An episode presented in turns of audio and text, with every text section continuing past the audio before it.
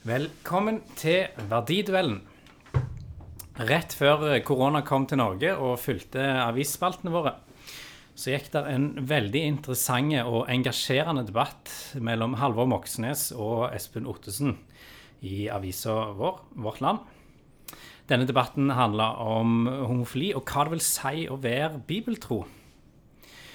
Nå har folk begynt å få nok informasjon om eh, korona, tror jeg. Så derfor har jeg eh, valgt å ta opp tråden fra sist, og har invitert Halvor og Espen til å komme og fortsette debatten. Ansikt til ansikt. Med én meter eh, distanse, selvfølgelig. Sitter de faktisk her foran meg nå, i vårt lands lokaler. Så Halvor Moxnes, velkommen til deg. Takk. Du er um, professor emeritus, er det sånn en sier det? Ja, det er I- noe sånt. i Når man er pensjonert professor, Ja. men fortsetter å tenke.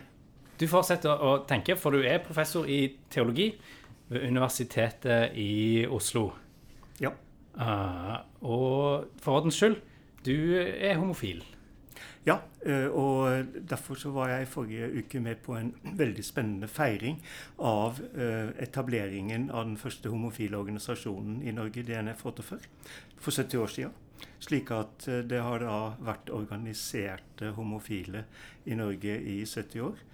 Først en skjult minoritet, etter hvert en åpen minoritet og en voksende minoritet. Og den har jo da gjennom mesteparten av den historien hatt det veldig problematisk pga. kirka. Ja. Av kirka, som du òg bryr deg ganske mye om. Ja, fordi at jeg har jo levet for å forandre kirka på det standpunktet. Og det har jeg jo vært med på å få til. Ja, å, spennende. Dette skal vi nok høre mer om litt etter hvert. For på andre sida av bordet sitter Espen Ottosen.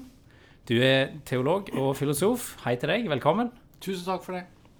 Du jobber for Norsk Luthersk Misjonssamband til vanlig. Og hvordan var det med deg? Er du òg homofil? Eh, nei, jeg er ikke det. Og det har jeg av og til eh, opplevd som en ulempe når temaet skal diskuteres. For på ett vis så blir jo dette litt sånn rått parti. Fordi at eh, Halvor Moxnes kan da både ta på seg en teologhatt og argumentere ut ifra det, men han kan jo også ta på seg en personlig historie og argumentere ut ifra det. Og jeg er jo litt redd for at jeg blir bare den som argumenterer, men egentlig ikke har noen historie å fortelle. Det er Litt erfaringer eh, rett og slett med homofili.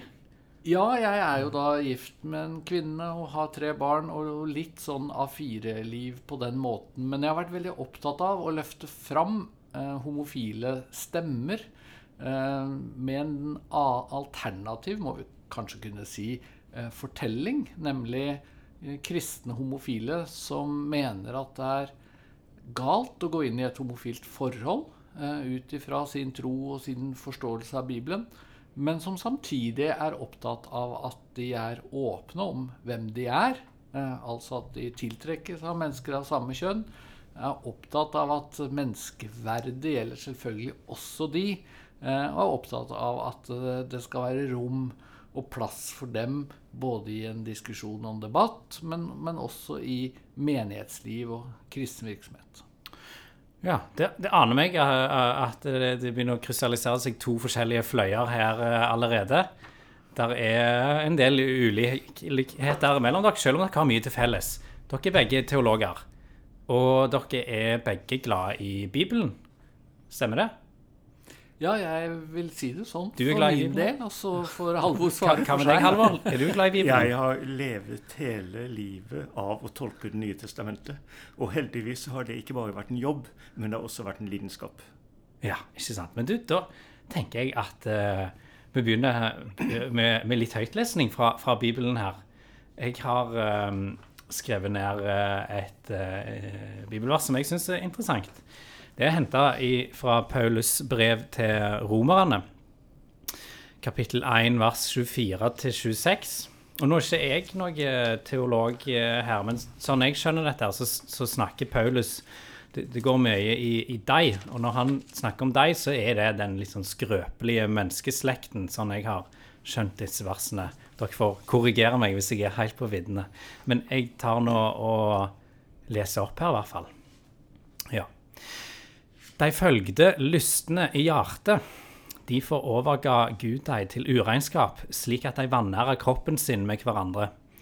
For de bytta ut Guds sanning med løgn og dyrka og æra det skapte i stedet for skaperen.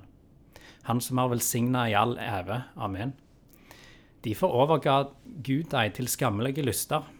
Kvinnene deres bytter ut det naturlige samlivet med det som er imot naturen. På samme måten holdt mennene opp med det naturlige samlivet med, eh, Oi, jeg må ta det på. På samme måten holdt mennene opp med det naturlige samlivet med kvinner og tok til å brenne av lyst etter hverandre.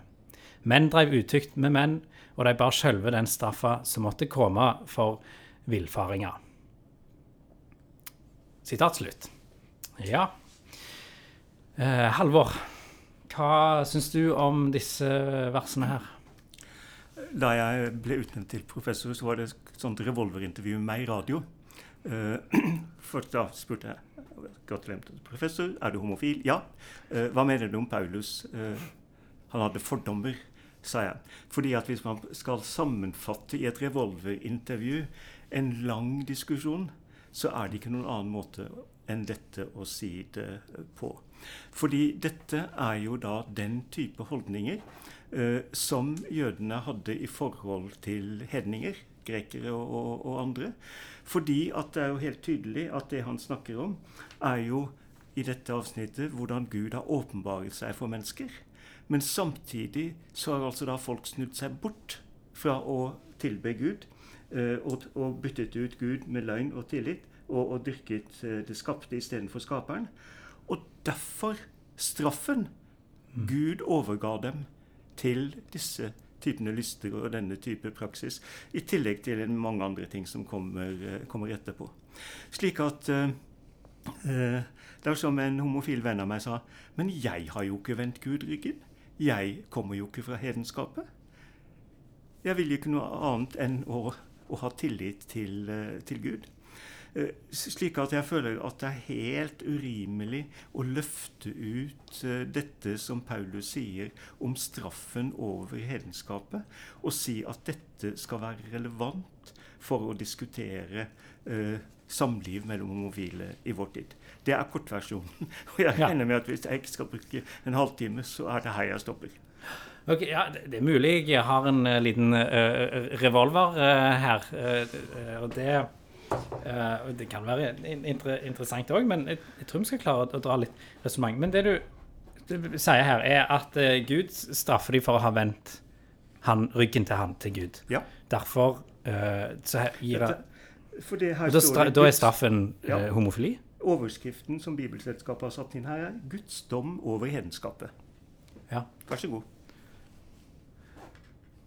Og da er dommen at uh, vi er menneskelige med mye lyst, og lyst til vonde ting? Ja, at man altså da simpelthen har uh, brutt med det som var den forestillingen om hva slags type forhold uh, var det mellom menn og kvinner. og hva var, den, hva var, normen for dette, i motsetning til det de kunne se f.eks. hos grekere og romere. Ja. Men um, du, Espen. Hva tenker du når du leser, hører disse versene her? Nei, ikke minst i lys av det Halvor Moxnes trekker fram, så tenker jeg jo to ting. Det ene er at jeg mener han leser denne teksten litt for individuelt. Altså som om dette er en tekst hvor Paulus prøver å forklare hvorfor enkeltpersoner blir homofile. Det tenker jeg er misforstått lesning. Eh, denne teksten er en fortelling om hva som skjer når mennesker sånn helt generelt vender Gud ryggen. Eh, og det mener jeg jo på mange måter gjelder oss alle sammen. Altså vi er en del av en menneskeslekt eh, som lever i en verden hvor vi har vendt Gud ryggen. Mm. Og da skjer det veldig mange forskjellige ting. Dette det, det kommer til uttrykk på ulikt vis. Og selv om jeg sitter her da som en heterofil kristen, så er det jo en del av det Paulus skriver om i dette kapitlet, som dessverre også treffer meg. Det gjelder kanskje ikke da seksualiteten, men, men det er jo andre måter jeg kan kjenne på et opprør imot Guds plan. Og så mener jo jeg at i det store bildet Paulus tegner da, av opprøret mot Gud, så er det helt tydelig at han sier at også det å eh, oppleve eh, homofil tiltrekning, det er eh, et uttrykk for å, å leve eller eh, føle eh, noe annet enn det, det, som var Guds plan. Det, det er noe som skjer i strid med ja, Guds plan for oss mennesker, Guds plan for ekteskap og seksualitet. Og det ene med det andre. Og det naturlige, som går litt igjen i denne teksten, det, det er mot naturen. Ja. Men på, dere var med en gang enige om at uh, det, dette er det som skjer med mennesker som vender Gud ryggen. Altså Det jeg tror kanskje vi er litt uenige om, er at jeg mener ikke at en homofil som leser denne teksten, skal tenke at uh, at det at jeg kjenner på en homofil tiltrekning, skyldes at jeg på en annen måte enn heterofile mennesker har valgt å snu ryggen til Gud. Eh, jeg jeg syns den lesningen blir for eh, brutal, og for meg er det kjempeviktig å si, både til Halvor Moxnes og andre eh, homofile, at jeg ser ikke på dere som en særlig eh, store syndere som, som har gjort noe noe i sitt liv som da fortjener en slags eh, ekstra straff fra Gud. Men det interessante da, Espen, er at uh, da er du ikke bibeltro.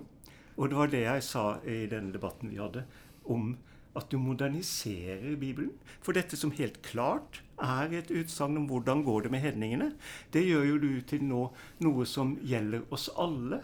Og, så vil du jo ikke si at dette er mer fordømmende for homofile enn for deg selv. Og, og da er du jo også i ferd med å, å vennliggjøre denne teksten, og ikke ta den så alvorlig som den er. Og det er jo fordi at du er et godt menneske som ikke vil at homofile skal føle seg ille. Men slik det står, og slik det har vært brukt, så har det faktisk vært en fordømmelse som homofile og lesbiske har levet med. Og, og, det hjelper da ikke at du forsøker å gjøre teksten snillere enn den er. Jeg prøver faktisk ikke å gjøre den snillere enn den er. Jeg mener at jeg forsøker å tolke den eh, etter hva som faktisk står. Men det jeg tror vi er enige om, er at den er blitt brukt på en måte som jeg eh, mener er kritikkverdig. F.eks. ved at eh, alt det Paulus da skriver om opprøret mot Gud, og det jeg mener er et universelt opprør mot Gud, så er det slik at noen, kanskje da heterofile, har valgt å bare være opptatt av eh, homofili eh, i teksten. Mm. Men så må jeg bare si også litt om det som handler om bibeltroskap. da. For jeg synes jo det var fint at du var så tydelig på at her har Paulus fordommer. For det illustrerer jo at vi går nok til denne teksten på to veldig forskjellige måter. For min grunnholdning er jo at Paulus er en apostel eh, som taler faktisk på Guds vegne i mm. romerbrevet og de andre brevene. Eh, og da har ikke jeg som en kristen anledning til å si at eh, beklager, Paulus, her eh, skjærer du litt ut i en eh, veikant, så jeg velger å tro og tenke annerledes enn deg. Mens, mens, det er jo det jeg opplever at Halvor, no, Halvor Moxnes her gjør. At han er, blir veldig tydelig på at selvfølgelig kan kristne si Paulus, du er fordomsfull. Sånn mm. kan ikke kristne tenke. Jeg tar du Paulus med en klype salt, rett som det er, Halvor? Ja, men jeg, jeg, forsøker faktisk da å forstå Paulus som en historisk person, og hvordan han historisk argumenterte. Og dette med å, fra jødisk side, å bruker mange eksempler på hvordan hedninger, hva frafallet fra Gud førte til. Og, at, eh, og, det var veldig mange ting. Men dette var liksom det ypperste eksempelet de, eh, de hadde. Og at Paulus eh, var apostel, det krevet han i hvert fall selv å være. Men samtidig så har han jo helt klart en mengde standpunkter som ikke ikke er akseptable i dag. Hans kvinnesyn, f.eks., eh, er jo slik at kvinner skal tie i, eh, i, i forsamlinger. Slik at Paulus er veldig dobbelt og delt. Og, og, derfor, hvis man ikke er villig til å se at han sier forskjellige ting At han sier her er det ikke forskjell på jøde og greker, mann og kvinne. Samtidig så sier han et annet sted at kvinner skal tie i forsamlingen og spørre mannen sin når de kommer hjem. Uh, og, og, dette er det ikke mulig å, å si at uh, alt dette kan harmoniseres til én mening. Det mener jo jeg at det er, da. Så der, der er vi nok veldig grunnleggende du, uenige. Så du syns at kvinner bør tie i forsamlingen, akkurat som Paulus mener? Ja, rett forstått. Så, så vil jeg jo si det litt sånn at da I bite the bullet. Altså, ja. jeg, jeg, ønsker å ta eh, Paulus sin veiledning på alvor. Men, men altså der Moxnes altså ser en konflikt, da, eller en, kanskje en forvirring til og med, hos Paulus, så tenker jeg at jeg vil virkelig løfte fram likeverdet mellom mann og kvinner. Galaterne 3.28, her er ikke mann og kvinne. Helt grunnleggende. Men så tenker jeg jo at kjønnsforskjellene er viktige. Eh, jeg tilhører jo også en organisasjon som fortsatt prøver å praktisere en viss forskjell på menn og kvinners tjeneste. At det er en tjeneste som øverste menighetsansvarlig øverste hyrde og lærer, som da kvinner ikke kan inneha. Men det blir jo en annen diskusjon. Kvinnelige prester, kjempeinteressant. Men uh, den har vi ikke tid til, tror jeg. da. Uh, menn med langt hår, har du problem med det òg, Espen? Du har jo i, i Paulus brev til korinterne hvor han skriver Lærer ikke selve naturen dykk at det er ei vanære for mannen å ha langt hår, medan det er ei ære for kvinna. For det lange håret har gjeve henne til slør. Um, ja, Godt spørsmål. Og dette er jo et tema som jeg opplever at vi diskuterer veldig mye på Fjellhaug, hvor jeg av og til er lærer. Og jeg husker sjøl når jeg studerte teologi, at vi diskuterte veldig mye. Er det sånn at Paulus sier på generelt grunnlag at menn skal ikke og kan ikke ha langt hår? Eh, eller er det nettopp fordi det er formulert som du akkurat leste det, som et spørsmål? Er det hans eh, mer sånn private fortolkning mm. av eh, hva naturen lærer. Eh, og hva, hva, mener han da sånn i detalj på dette. Um, og, og, la meg bare skyte inn, da, for å ikke bli misforstått, at jeg eh, innser jo at det kan være vanskelig å tolke bibeltekster. Det kan være vanskelig å tolke Paulus. Og jeg tror at noe av det Paulus sier, og noe av det som står i Bibelen, er ikke ment som generelle bud, ment inn i en helt generell sammenheng.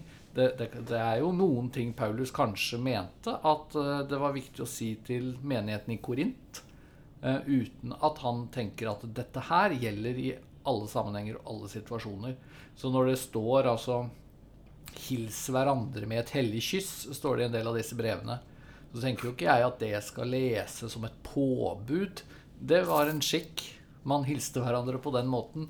Eh, så, så mm. dette med hvor, hvordan finner vi det evige, det som gjelder alltid? Hva er det kulturelle? Det, det, er mange spennende spørsmål. Jeg skal ikke være av de som sier at dette er kjempelettvint. Men grunnholdningene mine er at når Paulus sier noe på en sånn måte at det ser ut til at han mener at dette gjelder til alle tider for alle kristne, ja. så kommer ikke jeg og sier ærlig talt, Paulus. Der føler jeg deg ikke. Men det er jo da selve problemet med det, den måten du argumenterer på. At det er liksom Paulus' intensjoner som skal avgjøre om det er relevant eller ikke. Men det har jo faktisk med å gjøre om skal vi si, samfunnsforhold, menneskesyn, eh, er totalt forandret fra Paulus' tid. F.eks. så er jo da dette med menneskerettigheter, som jo ikke fantes på, på Paulus' tid, og, og likestilling uh, heller, uh, heller, ikke. Og, og, det er noe med den type forandringer som er skjedd til beste for menneskeheten. Til beste for alle, f.eks. alle som har vært slaver, at de da er blitt fri. Uh, og, og, for folk som har vært undertrykket. slik at det er faktisk skjedd noen gode ting i verden etter kristendommen, og som ikke har sitt umiddelbare utspring uh, i Bibelen. Og det syns jeg er viktig å ta på alvor. Og, og, og, og, så da si Da må faktisk Paulus måles opp mot det. Det er min oppriktige mening. At Paulus ikke, kan ha tatt feil. Men er det ikke litt rart på et vis at du som teologprofessor sier at uh, i vår tid så fins det menneskerettigheter, og så fins det Bibel. Og så sier du egentlig ganske tydelig at uh, menneskerettighetene er mer hellige. De, de, må vi på en måte legge oss litt sånn flate for, eller tenke at de, ja, de er bortimot hellige. Mens Paulus og Bibelens tekster, de uh, kan vi uh, i hvert fall annullere litt eller avlyse litt hvis de kolliderer med den hellige teksten av 1948, nemlig menneskerettighetene. Men Espen, nå ble jeg virkelig provosert hvis du tenker på hvordan millioner av mennesker har levet sitt liv før menneskerettighetene, levet i slaveri, så, så er det at det faktisk er skjedd en forbedring av deres livsvilkår, og at de har fått et menneskeverd og en respekt som de tidligere ikke har hatt, det vil jeg faktisk kalle hellig. Ja, men det er jeg jo helt enig i. Men jeg, ja, der, men, men jeg mener jo at det springer jo til og med ut av den kristne tanken. Jeg mener jo at Galaterne 3.28 Her er ikke trell eller fri, her er ikke mann eller kvinne. Jeg mener jo at det har vært utrolig viktig, og at kristne kirker og menigheter og har, har, stått i spissen for å kjempe mot slaveriet. Det er det jo ingen tvil om, med Wilberforce i England f.eks. Det er dessverre ikke helt sant. Fordi at f.eks. sydstatsbaptistene ble eksplisitt dannet for å være motstand mot slaveriets opphevelse.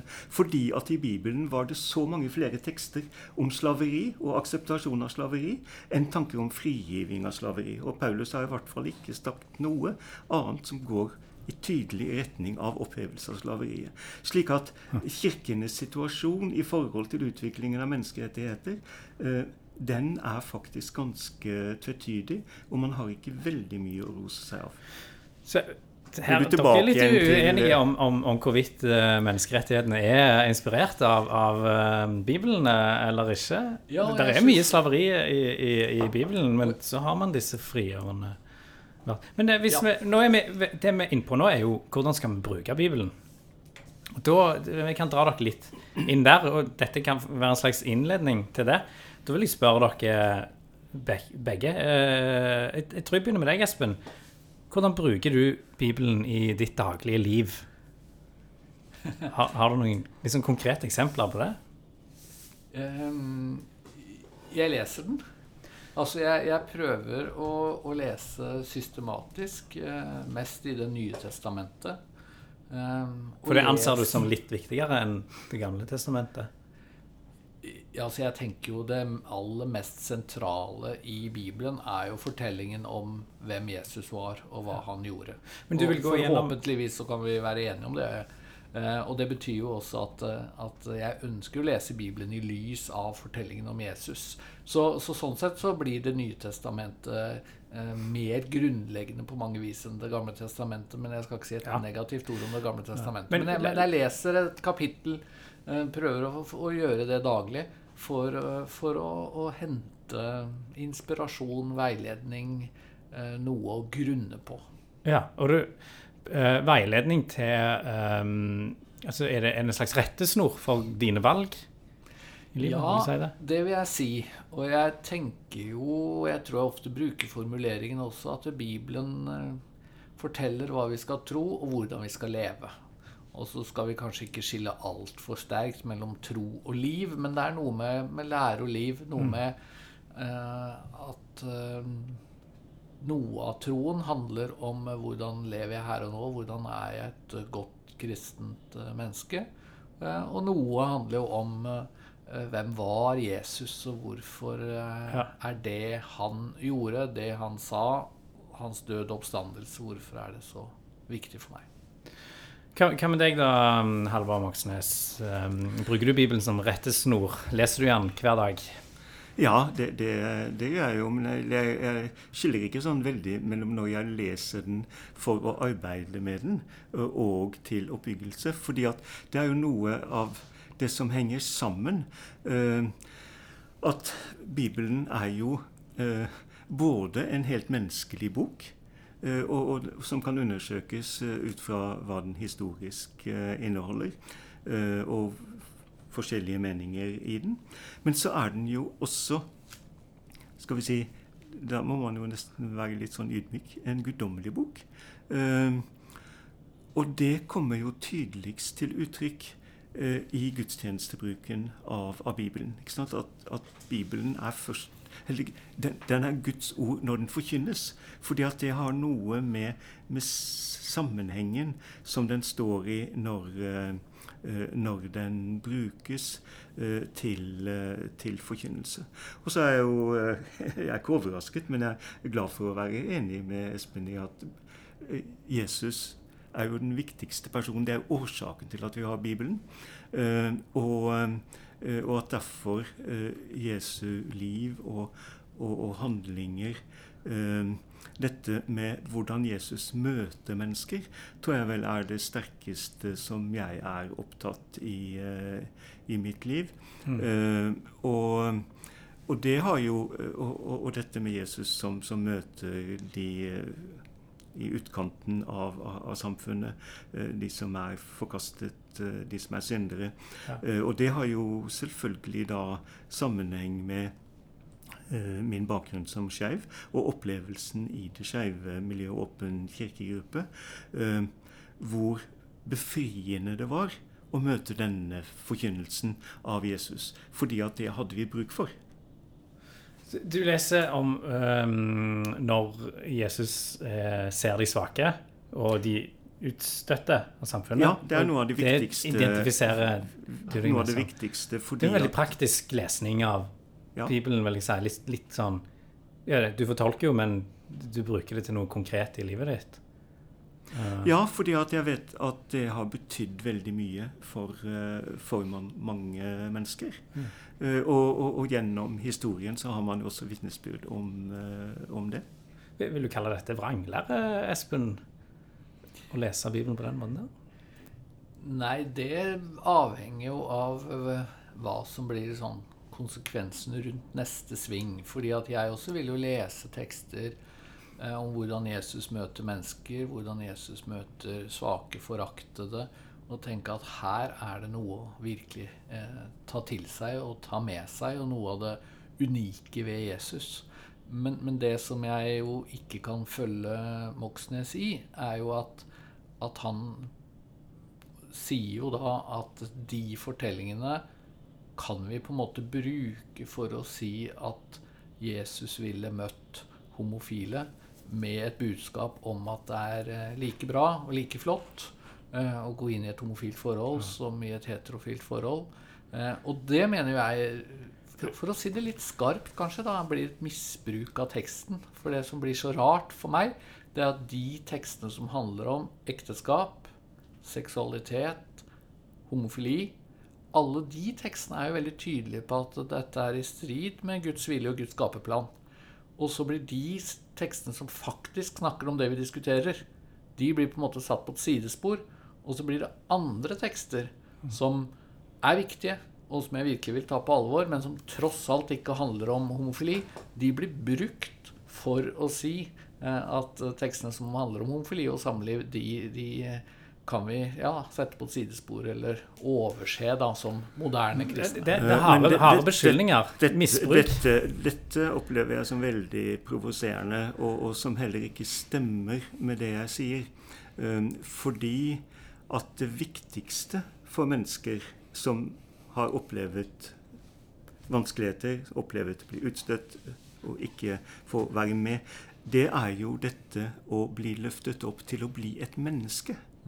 Og få uh, At Guds øye ser deg og anerkjenner deg som et menneske. Og så kan vi begynne diskusjoner om hvordan skal vi leve våre liv. Eh, jeg oppfatter at det er, er til to, eh, to, forskjellige ting. Men at, at, vi kommer med våre liv og blir tatt imot og eh, løftet opp og, og befridd. Og det er først fordi at problemet med homofile eh, i eh, Norge og alle andre steder i alle kirkesamfunn, er at veldig, veldig lenge så var det bare da heterofile som snakket om oss og brukte Bibelen om oss. Men aldri at vi fikk være med og, og bruke Bibelen selv, og, lese den, og, snakke på våre egne vegne. Og, og, jeg oppfatter at det du sier, er liksom da en, en fortsettelse av det. Hvis noen homofile skeive skulle liksom tro at, at Gud løfter deg opp og til å bli menneske, uh, så, uh, så, vil du straks bruke det til noe galt. ja. Du er ikke litt tøff her, Espen, med uh, en, Du det, vil kalle det en skeiv lesning av Bibelen. Stemmer det, Halvor? Uh, at, at det, det, det, min, lesning av, av, Bibelen vil jo være sånn Altså, Vi leser jo alle Bibelen ut fra våre, vår egen situasjon. Og, og vi, vi, leser den uh, Hvis jeg nå da tenker i andakts- eller privat eller også kollektiv sammenheng så leser vi den jo for at den skal snakke til oss, og at vi er, har lov til å lese Bibelen selv. Uh, og, og, og det, er eh, da at det blir uh, problematisk. Fordi at etter at vi sier at alle kan lese Bibelen og, fra sin situasjon, så er det da klart at jeg og veldig mange homofile med meg, eh, vil lese Bibelen ut fra den situasjonen at det er kjærligheten og ikke kjønn som avgjør om du kan ha et, eh, skal vi si, et fullt samliv med et annet menneske. Kjærligheten er viktigst. Ja. Har du et bibelvers som eh, kan støtte deg gjennom det? På lager, Ellen? dette, Du finner ikke, ikke noen bibelvers, i hvert fall ikke hos Paulus, som vil si at kjærligheten er viktigere enn kjønn. Nei, men eh, Nå snakker jeg om hele Bibelen. Ja. Nei, men, men, det er jo det jeg tenker blir problematisk da, med denne mm. tankegangen. At man, man, lager kontraster som jeg mener ikke fins i Bibelen. Uh, selvfølgelig er kjærligheten utrolig viktig helt sentral i Bibelen. Gud er kjærlighet, står det til og, og, og med i en tekst.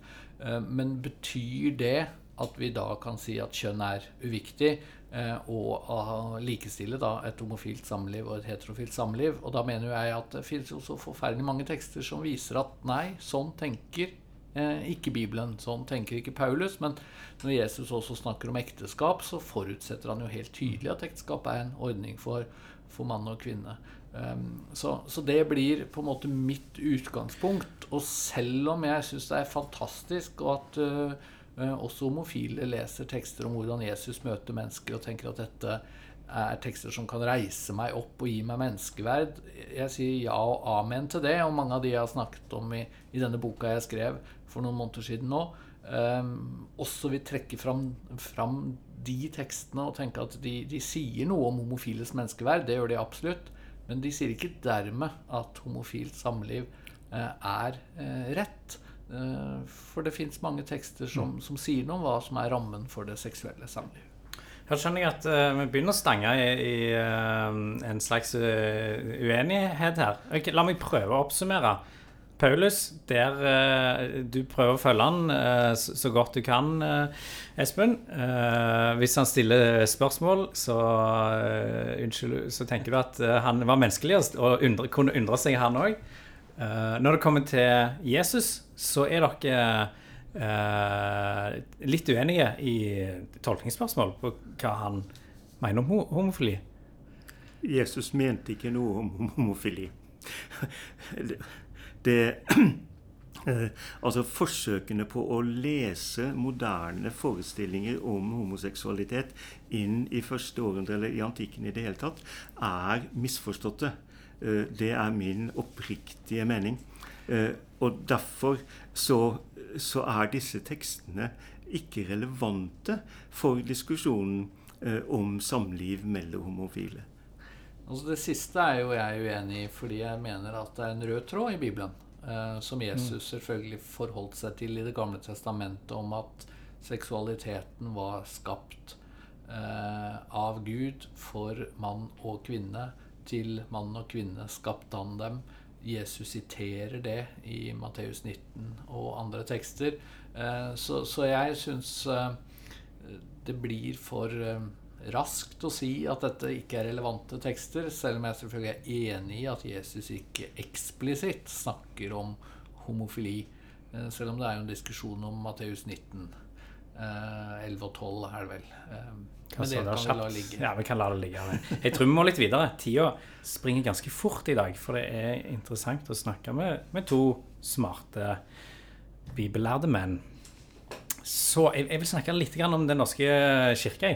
For der står dere som eh, medlemmer begge to. Døpt, konfirmert uh, hele livet i Den norske kirke.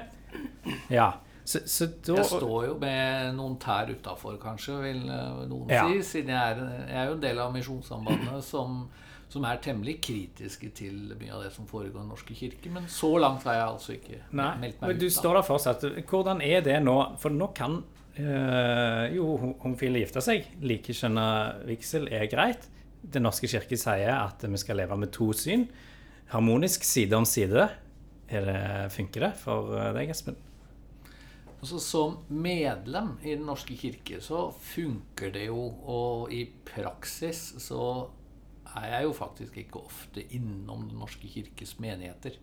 Jeg er Og det på grunn av uh, ja, liberal? altså Jeg bor ikke så langt fra Oslo. Jeg går i Misjonssalen, NLMs uh, eh, forsamling. Der kan du ikke gifte deg som homofil? Nei, du kan for så vidt gifte deg som heterofil heller. Oh, vi, vi, har, vi, har, ikke noe vigselsrett. Uh, men, eh, men, poenget mitt er at det å være medlem i Den norske kirke, det har jeg foreløpig opplevd som mulig. Men hvordan jeg ville oppleve det som prest, det tror jeg ville variert uh, veldig. Ja. Men jeg er nok av de som ville syntes det var veldig krevende å uh, og f.eks. bli hengt ut i en lokalavis og, og kanskje opplevd forholdsvis liten støtte. Eh, for å, å, si et nei, da. Til, ja, Du hadde ikke via et homofilt Nei, det hadde jeg jo da ikke hatt samvittighet til og ment at var rett. Og så, og så tror jeg Norsk kirke prøver å si at vi skal ha rom for to syn og to praksiser. Men, men hvor lenge det går, og, og, og, hvor lett det egentlig er å være da i min posisjon, det, det blir interessant å følge, hvis man kan si det sånn. Okay, det, du da, mm, Halvor, som har vært i denne kirka her i eh, hva er det, 70 75 år. 75 ja. år, ja. Og, og, i tillegg til å være uh, døpt og konfirmert, så er jeg også ordinert. Ja, Så du har vært som homofil i ei kirke som, som, på mange vis har holdt homofile utenfor? Ja, og um, Hvorfor har du valgt å stå i, i, Det er jo da det samme som uh, tankegangen i Åpen kirkegruppe. Da de uh, ble presset på burde de ikke heller melde seg ut når Kirken ikke ville ha dem. Uh, og, og, Åpen kirkegruppe, er, er det Det er opp, for, for det lesbiske og homofile. Åpen folkekirke i, nei, i dag? Nei. nei. Oh, nei. Det, de, de, de startet for 45 år siden okay. av lesbiske homofile. Ja. Uh, i, den er økumenisk, men hovedsak uh, er medlemmene tilhørende den, den, norske kirke. Og altså istedenfor å melde seg ut og lage sin egen uh, menighet, som man delvis gjorde i USA, så valgte man å bli for å forandre kirken innenfra. Uh, og, og, det er jo altså det, det, som jeg også da har, har vært med på uh, ganske, ganske, aktivt i, i 40 år. Um, og um, omsider, om, omsider lykkes. Uh, slik at men samtidig så er det altså da veldig mange som har falt av på, på veien, og som har blitt skadet av, av dette. Mm. Slik at Eh, jeg ser da eh, dette med innføring av likekjønnet eh, vigsel som veldig, veldig viktig. Og, og, det er jo litt interessant at du sier at, at Kirken har to syn, men den har bare én praksis. Fordi at likekjønnede kan bli viet i absolutt alle kirker i landet. Og hvis den lokale presten ikke vil vie dem, så er prosten forpliktet til å finne en prest som vil vie dem. Slik at her er det første gang at skal vi si, alminnelige menighetslemmer og deres rett til å bli gift i sin kirke går foran prestens nektelsesrett. Og det syns jeg er, er, viktig. og Derfor vil jeg si at man har ok, man har to syn, men, men man har bare én praksis når det gjelder folk flest. Altså at det gjelder, Når det gjelder prester, at de kan vie eller ikke vie, det er, er så sin sak. Men det er ikke så viktig som at de som ønsker å gifte seg i kirken, kan få det. Men, men som, som, mange eh, Som du sa, så, så, er det jo mange som har falt fra på veien. Og det har vært en urettferdig behandling, vil mange mene. Så jeg lurer på Burde Den norske kirke be om unnskyldning til skeive mennesker? Ja, altså det, det, er et spørsmål som har vært diskutert, og som har kommet opp. Og det er mulig at det, at det kommer til det. Um, Hva mener du? Um, jeg mener nok egentlig uh, at, at, at, man burde, burde, det. Men da må det være en unnskyldning som kommer fra hele Den norske kirke. Det vil ikke hjelpe at bare noen sier det. Eh, det kan tenkes at eh, kirkerådslederen og altså det, det, jeg er opptatt av, er at eh, det må da være en prosess som omfatter store deler av Kirken, for å komme til et slikt resultat. For at det skal kunne oppleves som en god unnskyldning. Mm -hmm. Så ja, hele Kirka må være med på dette her. Hadde de fått med seg deg, Espen, videre hvis de på en sånn unnskyldning? Antageligvis ikke. Men så får jeg fryktelig lyst til å si at jeg ikke er et sekund i tvil om at det har skjedd mye ulykkelig og mye uheldig fra eh, kristne eh, overfor homofile. Jeg syns det er eh, tragisk. Eh, eh, faktisk også at det har vært så mye homofilidebatt. Noen vil jo mene at det har jeg en del av skylda for. Uh, og det får jeg jo prøve å håndtere. Men, men, jeg mener jo at homofilt samliv på ingen måte er en større eller mer alvorlig synd enn en, en andre ting. Grunnen til at det har blitt så stor debatt, handler jo litt om symbolikk, men, men også litt om at dette er jo da en av disse det jeg vil kalle en av syndene, da, som vi bare er veldig uenige om, og, og det genererer debatt. Um, så uh, jeg vil jo ikke mene at, vi skal, at en kirke skal be om unnskyldning for å fastholde at ekteskapet er en ordning for mann og kvinne, og at homofilt samliv er i strid med Bibelen. Men det er nok mye annet som man med fordel kunne bedt om unnskyldning for. Uh, og en av grunnene til at jeg Eh, skrev en bok som het 'Mine homofile venner' for eh, over ti år siden, og nå oppdaterte den og, og justerte på mange områder, og, og nå heter den 'En annerledes vei'. Mm. Det var jo også fordi jeg ønsket å hjelpe såkalt konservative kristne til å snakke om homofilispørsmål og homofilitema på en respektfull måte. Jeg syns jo det er helt forferdelig hvis det har sittet kristne homofile i en benkerad som til og med mener at de ikke ønsker å gå inn i et homofilt forhold, for det mener de er galt. Og likevel så har de opplevd at mennesker har snakket om homofili på en sånn måte at det oppleves eh, krenkende og støtende. Ja, så vi får en, uh, en forbeholden unnskyldning fra Espen òg her. Det går mot slutten, men hvis du har noe du vil legge til, Halvor, så skal du få ordet. Jeg kan spørre deg et, et, siste spørsmål, og så må vi nesten runde det av der. Da lurer jeg på, Tror du det er plass for uh, Otsens syns på homofili i Den norske kirke i de kommende årene? Altså Det har jo Kirkemøtet og Kirkerådet sagt at, at det skal være.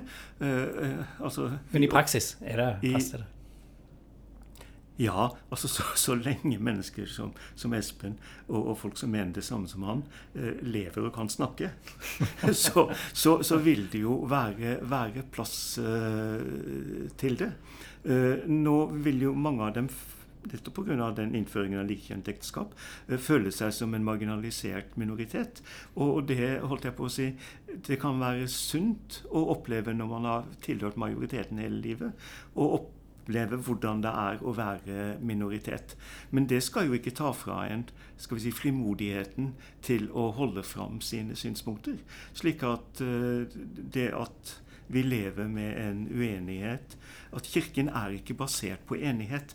Den er faktisk basert på Jesus Kristus.